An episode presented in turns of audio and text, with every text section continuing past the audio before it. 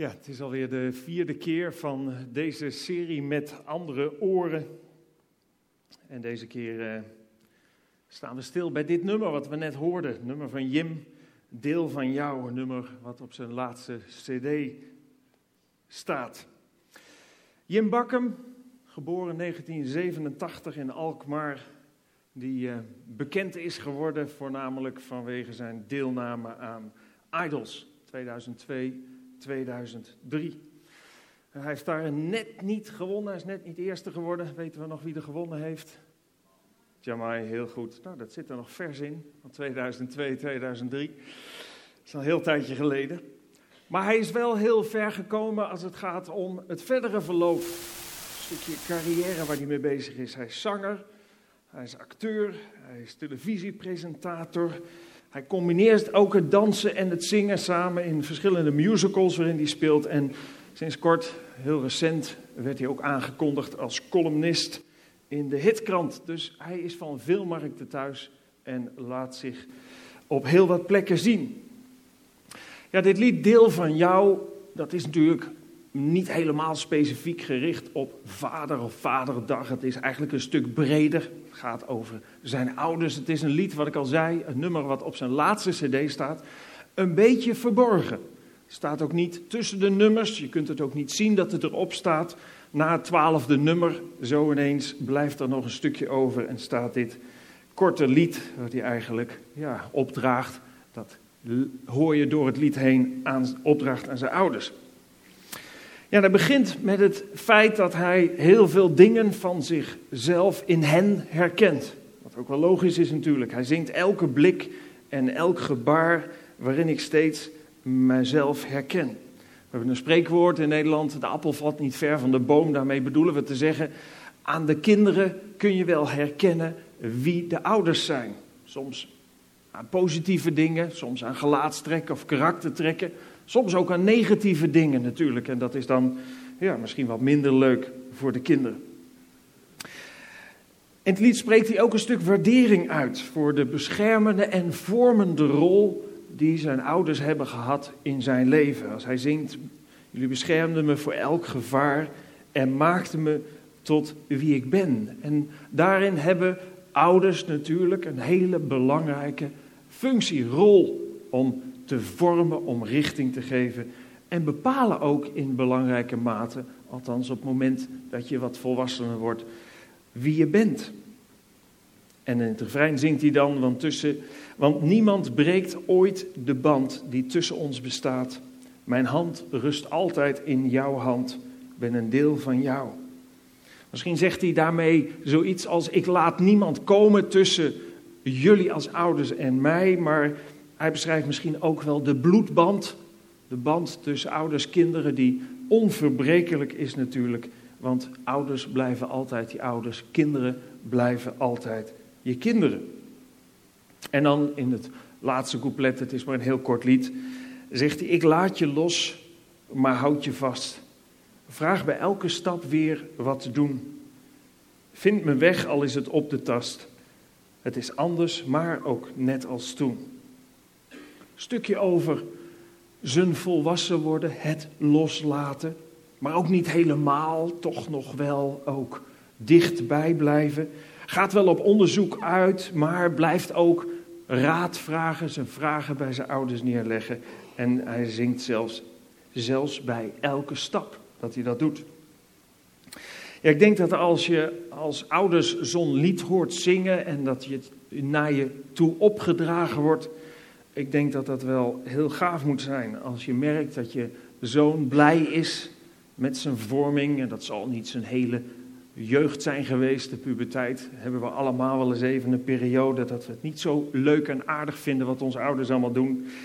Maar toch, als je wat ouder wordt, dan is het gaaf wanneer je je kind zo dit hoort zingen, denk ik. Dat hij zingt dat hij van je houdt, dat hij ook je advies en raad nog steeds belangrijk vindt. En dat hij blij is met de manier waarop hij gevormd is. Ja, we weten ook dat dat lang niet voor iedereen geldt. Niet dat ouders dit op deze manier te horen krijgen, maar ook lang niet alle kinderen zo heel erg gelukkig of blij zijn met hun opvoeding of de rol die de ouders daarin hebben gespeeld. Iets anders wat veel meer nog dan dat voorkomt en tot problemen leidt, is dat loslaten, waar hij dat tweede couplet over zingt, dat loslaten van ouders die hun kinderen moeten loslaten, kinderen die hun ouders moeten loslaten, dat er in dat proces eigenlijk een heleboel fout gaat.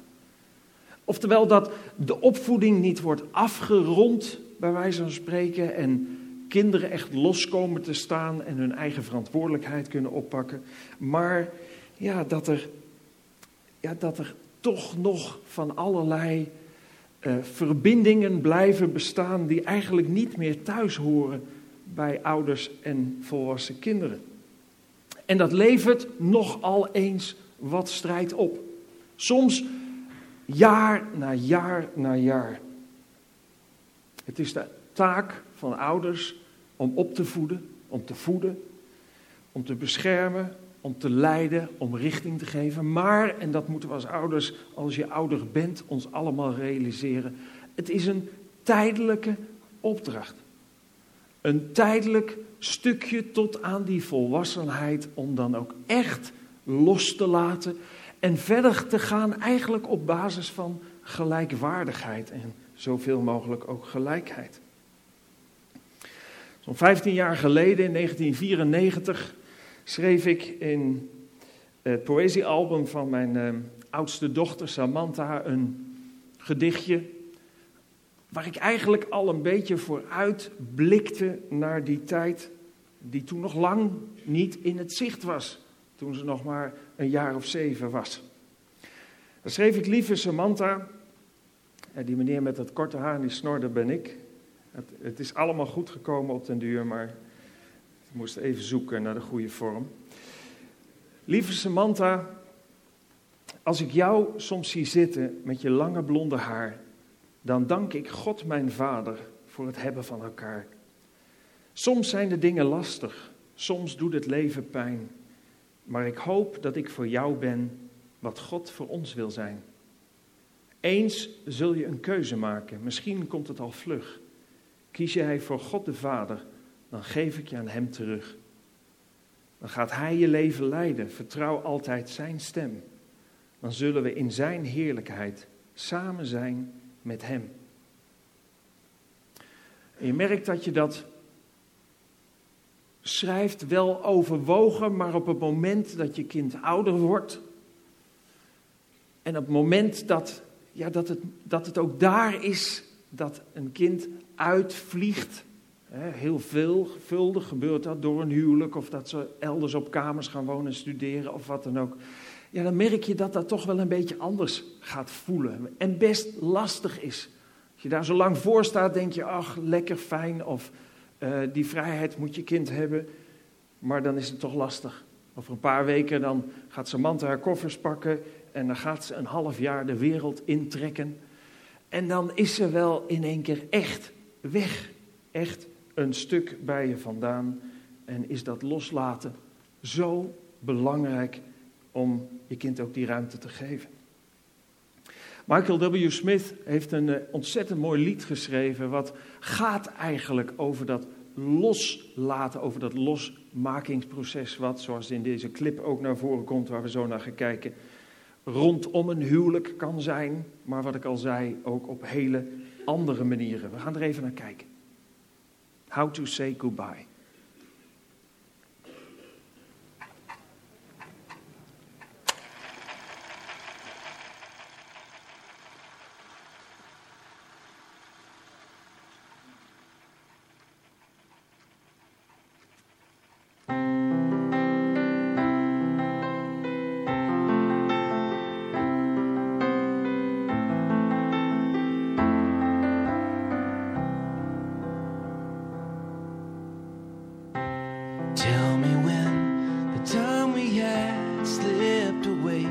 Tomorrow turned to yesterday, and I don't know how.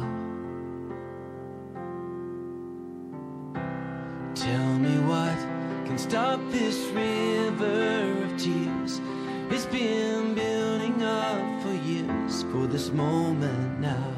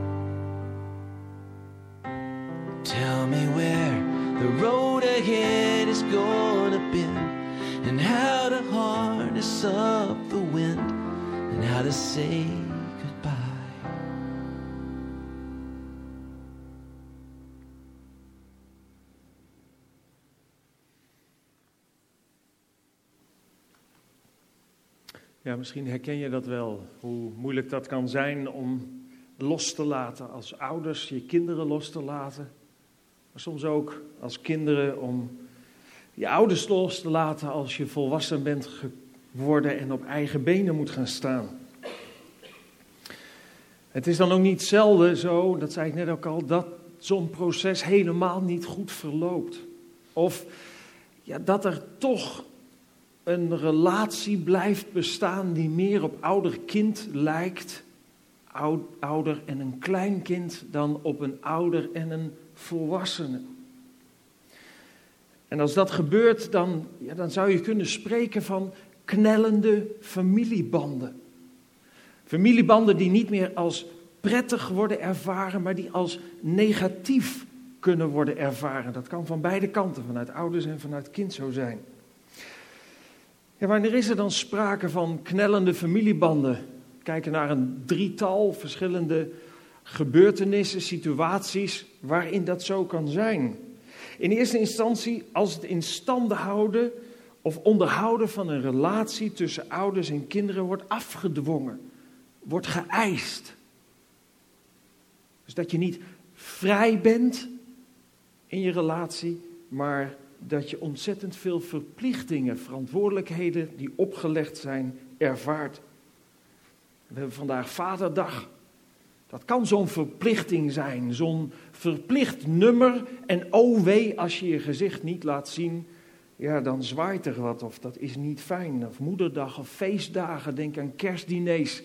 Die soms zo als knellende familiebanden kunnen worden ervaren. Zoiets van help, hij komt er weer aan familieuitjes, verjaardagen, waar je misschien met zoveel mogelijk plezier naartoe bent gekomen, maar waarin je al weet dat je te horen krijgt: waarom kom je zo weinig? Ik zie jullie nooit.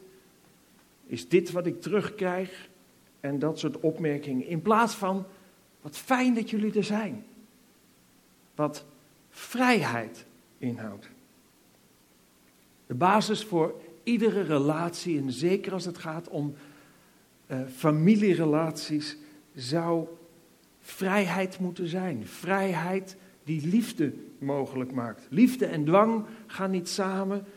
En een relatie kan niet anders dan op basis van vrijheid voortbestaan. En dat geldt ook voor de ouder-kind-relatie. Het tweede punt waarop het vaak fout gaat, is als er sprake is van ongewenste inmenging of beïnvloeding. Daar kun je soms wanhopig van worden. Wanneer je geen vrijheid voelt, maar altijd voelt dat je beïnvloed wordt, dat geprobeerd wordt je bepaalde dingen te laten doen. Echtparen ervaren dat soms ook van ouders en schoonouders, die maar continu komen opletten wat er allemaal gebeurt en proberen hun invloed uit te oefenen.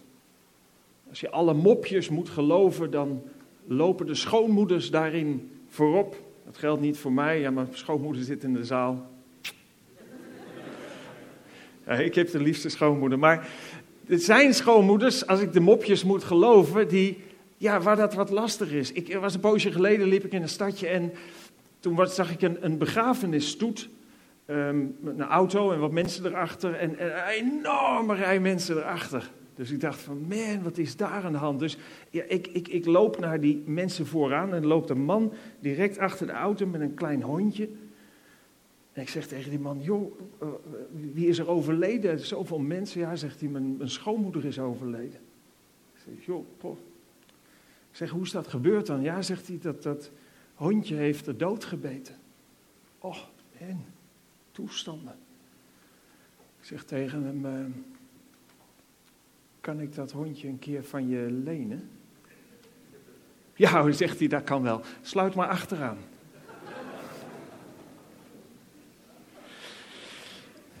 Het was een mop, uh, ma.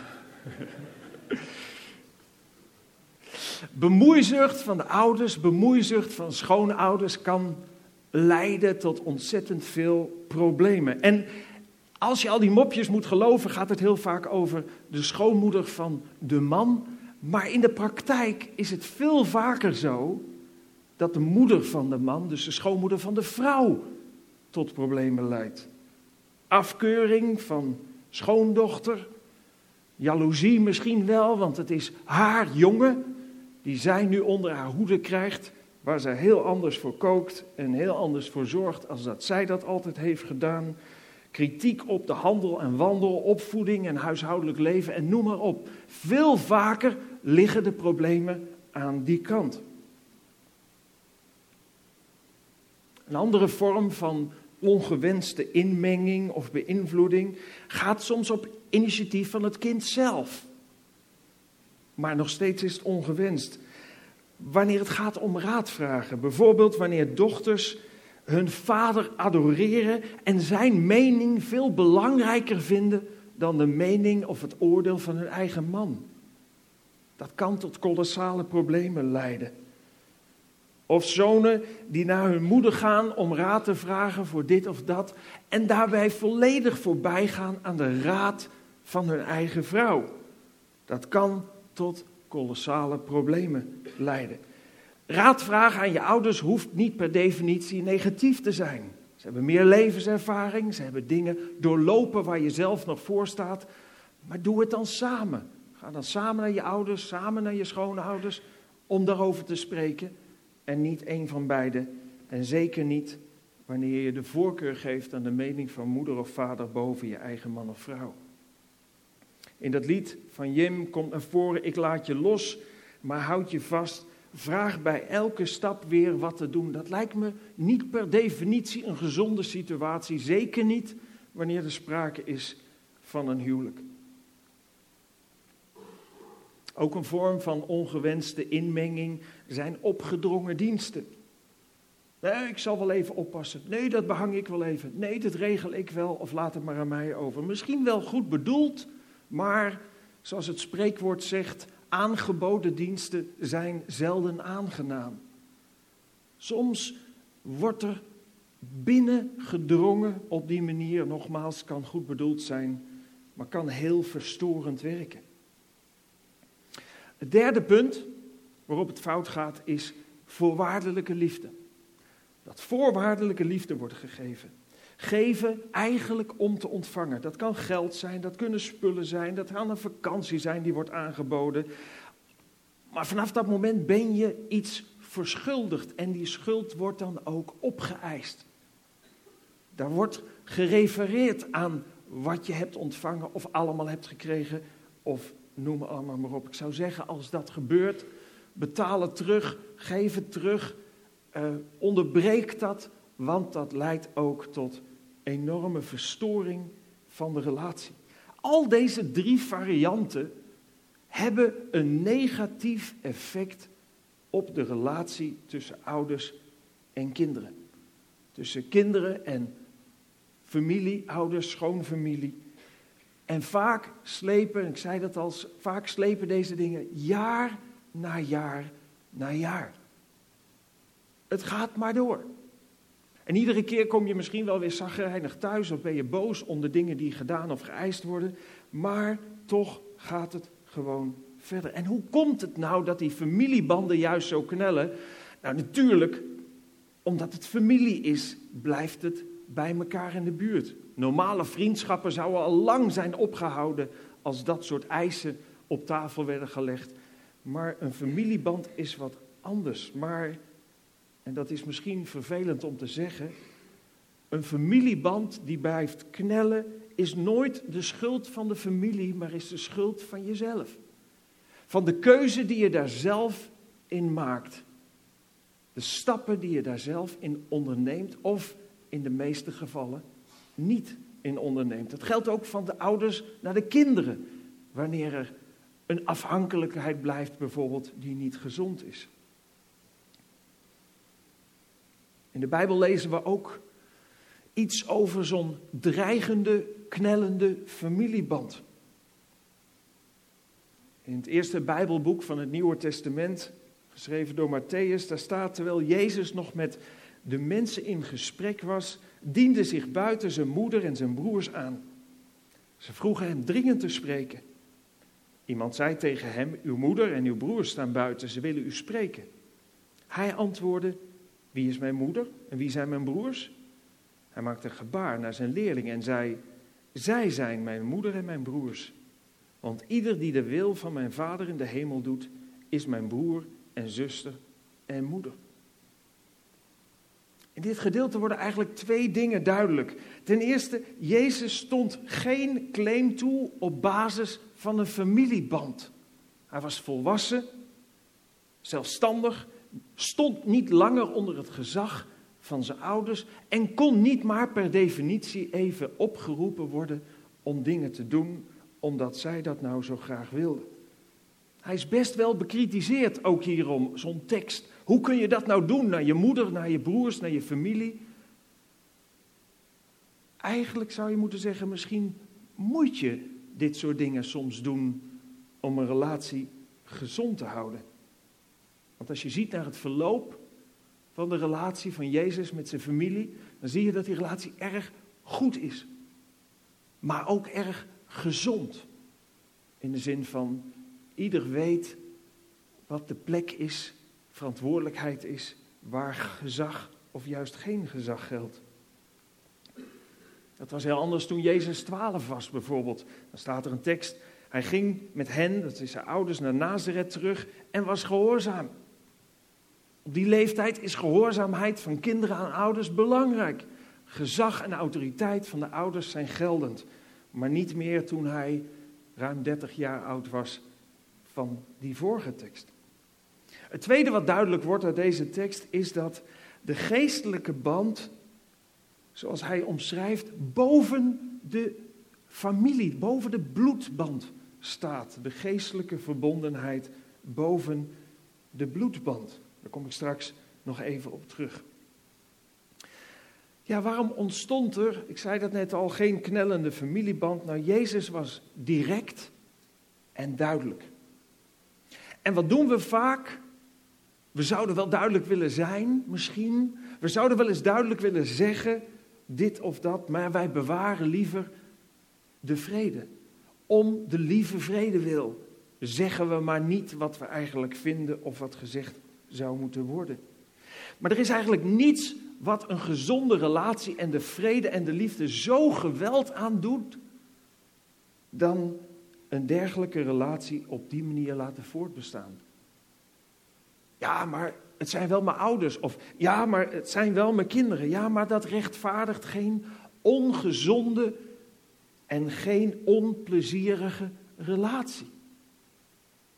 Juist wordt het daarmee geweld aangedaan. Als je de relatie graag goed wil hebben, houden, of als je graag tot een goede en gezonde relatie wil komen, wees dan duidelijk. En soms moet je misschien, om het duidelijk te maken, eens een keer met de vuist op tafel slaan. Misschien moet je eens een keer boos worden om het duidelijk te maken. Misschien moet het eens even knallen zodat helder is wat je eigenlijk bedoelt te zeggen en hoe je de relatie ervaart. Er staat in de Bijbel, als je boos wordt, zondig dan niet. Laat de zon niet ondergaan over je boosheid. Geef de duivel geen kans. Er staat niet in de Bijbel dat je niet boos mag worden, maar dat als je boos wordt, dat je geen dingen moet doen die zondig zijn. Je moet je ouders niet slaan of ombrengen of wat dan ook. Maar boosheid op zichzelf is laten blijken dat iemand jouw grenzen overschrijdt. En natuurlijk doe je dat rustig. En natuurlijk probeer je dat liefdevol te doen door te praten, maar duidelijk. Niet om de hete brei heen. Of te schrijven, maar duidelijk. Niet om de hete brei heen. Pa of ma of ma, ik hou heel veel van jullie, maar ik voel me niet vrij in onze relatie, want. En dan komt het erop aan of je duidelijk en eerlijk wilt zijn. En wat als praten niet helpt, zeggen mensen dan soms.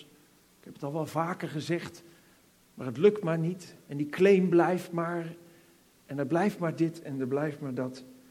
En soms is het onderbreken van het contact voor een kortere of langere duur de enige oplossing om door te laten dringen wat je echt bedoelt te zeggen. Totdat de relatie op basis van gezonde uitgangspunten kan herstellen. Op basis van vrijheid, op basis van vrijwilligheid. Eigenlijk is het uitvliegen van een kind uit het ouderlijk nest, wat vroeger bijna altijd ging rondom een huwelijk, is iets wat een losmaken is, eigenlijk al een soort lijn doorsnijden om daarna een ander soort verbintenis, een ander soort relatie te krijgen. In de Bijbel lezen we, zo komt het dat een man zich losmaakt van zijn vader en moeder en zich hecht aan zijn vrouw, met wie hij één van lichaam wordt. Daarmee is het samen zijn opgehouden, maar daarmee beëindigt ook de autoriteit van de ouders over het kind. En ook als je je niet hecht aan een vrouw, zoals in deze tekst staat, is het losmaken op zeker moment nodig en belangrijk. En als dat losmaken wordt belet, dan moet je soms inderdaad met harde hand duidelijk laten weten dat dit geen gezonde relatie is. Staat dat dan niet op gespannen voet met eer je vader en je moeder? Wat in de Bijbel staat, het vijfde gebod van de tien geboden. Nee, je eert je ouders niet door een ongezonde relatie te laten voortbestaan. Dat is niet je ouders eren. Je eert je ouders door liefde, door dankbaarheid, maar niet door een ongezonde relatie voor te laten bestaan. Het is best soms een lastige uitdaging. Het is best soms lastig om die keuze te maken, maar realiseer je dat alleen daardoor je de mogelijkheid creëert om uiteindelijk een goede, een gezonde relatie met je ouders en met je kinderen te krijgen, waar vrijheid en liefde centraal staan. Precies zoals God het bedoeld heeft. Ik kom nog even terug op die, die familieband tot slot. Die familieband waar Jezus over sprak, die zei, wie is mijn moeder en wie zijn mijn broers? Hij maakte een gebaar naar zijn leerling en zei, zij zijn mijn moeder en mijn broers. Want ieder die de wil van mijn vader in de hemel doet, is mijn broer en zuster en moeder. Ik zei al, bij Jezus was de geestelijke relatie belangrijker dan de familierelatie. En waarom? Omdat Jezus een kind van God was, de zoon van God is. En wist dat ieder om hem heen die God aanvaarde als zijn God, zijn vader zou aanvaarden. Maar ook zelf een kind van die vader zou worden. En eigenlijk ervaar ik dat zelf ook. de basis, zou je kunnen zeggen, als gezin. Een klein stukje van dat hele grote gezin wat over de hele wereld bestaat. Allemaal kinderen van God, maar allemaal gemeenschappelijk dat we één vader hebben. Verschillende aardse vaders, één hemelse vader. En dan tref je eigenlijk, ook hier in de basis, je broers en zussen aan. Als je de Bijbel leest, zie je dat, ja, dat Jezus onderdeel is van dat gezin. Jezus, de zoon van God, iedere gelovige die in de Bijbel zoon of dochter van God wordt genoemd. En iemand zei is, Jezus is eigenlijk je, je grote broer, waar je tegenop kijkt, die een voorbeeld voor je is, waar je graag op wilt lijken. En daartoe roept God ons ook op om meer op zijn zoon, de Heer Jezus Christus, te gaan lijken. Die voor ons in de bres is gesprongen en ons heeft bevrijd uit de klauwen van de Satan en daar zijn eigen leven voor heeft betaald. Een broer om trots op te zijn. In de Bijbel lees je ook dat wij met Hem, met de Heer Jezus Christus, erfgenamen worden van God en dat wat God voor ons in petto heeft. Hier en nu, maar ook over de grens van de dood, wanneer we samen bij God mogen zijn. En misschien verlang je er zelf ook wel naar. Misschien ken je dat helemaal niet. Misschien weet je helemaal niet wat het is om onderdeel te zijn van een geestelijk gezin. Maar ik weet zeker dat je er ten diepste naar verlangt om die geestelijke band te hebben waar God de Vader, heel anders dan aardse vaders, hoe goed ook, maar altijd met hun tekortkomingen, waar God de Vader een liefdevolle, een betrouwbare Vader is, die vrijheid geeft, keuzemogelijkheid geeft, maar het diepste verlangen heeft om een relatie met ons te hebben, ons te leiden op zijn weg, een weg die leidt naar het eeuwig leven. Misschien verlang je er ook wel naar om een kind van God te zijn. En te weten dat jouw hemelse Vader altijd bij je is.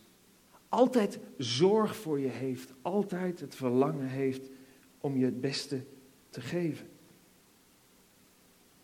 De Bijbel staat, maar toen de tijd gekomen was, zond God zijn zoon, geboren uit een vrouw en onderworpen aan de wet, maar gezonden om ons vrij te kopen van de wet, opdat wij zijn kinderen zouden worden.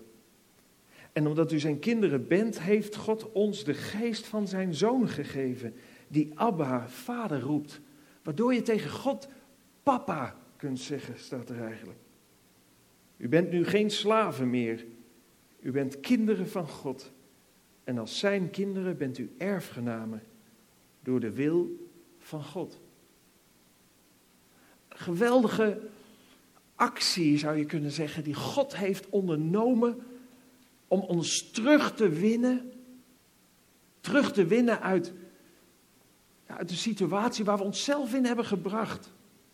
Een situatie waar we ons, waar onze eigen wijsheid belangrijker was dan zijn wijsheid. Waar we God de rug toe hebben gekeerd, waar we ons hebben laten verleiden door het kwaad. En in deze tekst staat dat God zijn zoon stuurde om ons te verlossen uit de klauwen van het kwaad. Zodat we opnieuw mogen ervaren wat het betekent om een hemelse vader te hebben aan wie we toebehoren. Die van ons houdt, die een doel met ons leven heeft, die je kent en die je wil leiden. Op een weg van geluk, op een weg van liefde, op een weg van vrijheid, op een weg die leidt naar het leven na dit leven, wat zal zijn zoals God het heeft bedoeld. En God nodigt je uit. Om zijn uitgestrekte hand aan te pakken. En hem aan te nemen als je vader. Om het offer wat de Heer Jezus Christus voor jou en mij heeft gebracht aan te nemen als de weg naar God toe. Om te ervaren wat het betekent om zijn kind te zijn. Laten we bidden en danken. Dank u wel, Heere God, dat u onze Vader wilt zijn. Dank u wel, Heere God, dat u wilt voortzetten. Wat aardse vaders tot op zeker momenten, tot op een zeker punt als hun verantwoordelijkheid hebben gekregen, dat u het wilt voortzetten, dat u het wilt overnemen. En dank u wel, Heer, dat u liefdevol, betrouwbaar bent. En dat u eigenlijk op, ja, door de hele Bijbel heen laat zien hoe u ernaar verlangt om die relatie die ja, geschaad is door, door het kwaad, door de keuzes die we in ons leven hebben gemaakt, dat u die relatie wilt herstellen door uw Zoon, de Heer Jezus. Dank u wel, Heer, dat u ons de hand reikt. Dank u wel dat u van ons houdt en ons zoekt. En dat we het mogen gaan ervaren wat het betekent om een kind van u te zijn. Om erfgenaam te zijn. Om een hemelburger te worden, zoals uw woord het zegt. Om een bestemming te krijgen die zal zijn zoals u het heeft bedoeld. En God, ik wil u bidden ook voor, ja, voor mensen die hier zitten, die misschien wel hele negatieve ervaringen hebben met met vader, met een vader. Een vader die niet liefdevol was, een vader die misschien dingen uithaalde die echt niet door de beugel konden. God, ik wil u bidden of u, of u mensen wilt helpen om te vergeven, zodat ze loskomen van die negatieve banden. En zodat ze vrij de stap naar u kunnen zetten. En u kunnen aanvaarden als hun liefdevolle vader. Ik wil u bidden voor, voor vaders die hier zitten, die zich realiseren, en eigenlijk geldt dat voor alle vaders in mindere of meerdere mate, die zich realiseren dat ze fouten hebben gemaakt. Dat ze tekort zijn geschoten. Heer, ik wil u zo bidden dat we vanuit uw liefde en vanuit uw genade mogen ervaren dat u een God bent die vergeeft. Heer, dat we vergeving mogen vragen en dat we daarmee vrij komen te staan. Dat we opnieuw mogen beginnen. Dat we los mogen laten. Heer God, en dat u ook voor alle vaders een vader wilt zijn. Heer, ik wil u bidden of u ons zo wilt zegenen. En ons zo uw liefde wilt tonen bidden we u in Jezus' naam. Amen.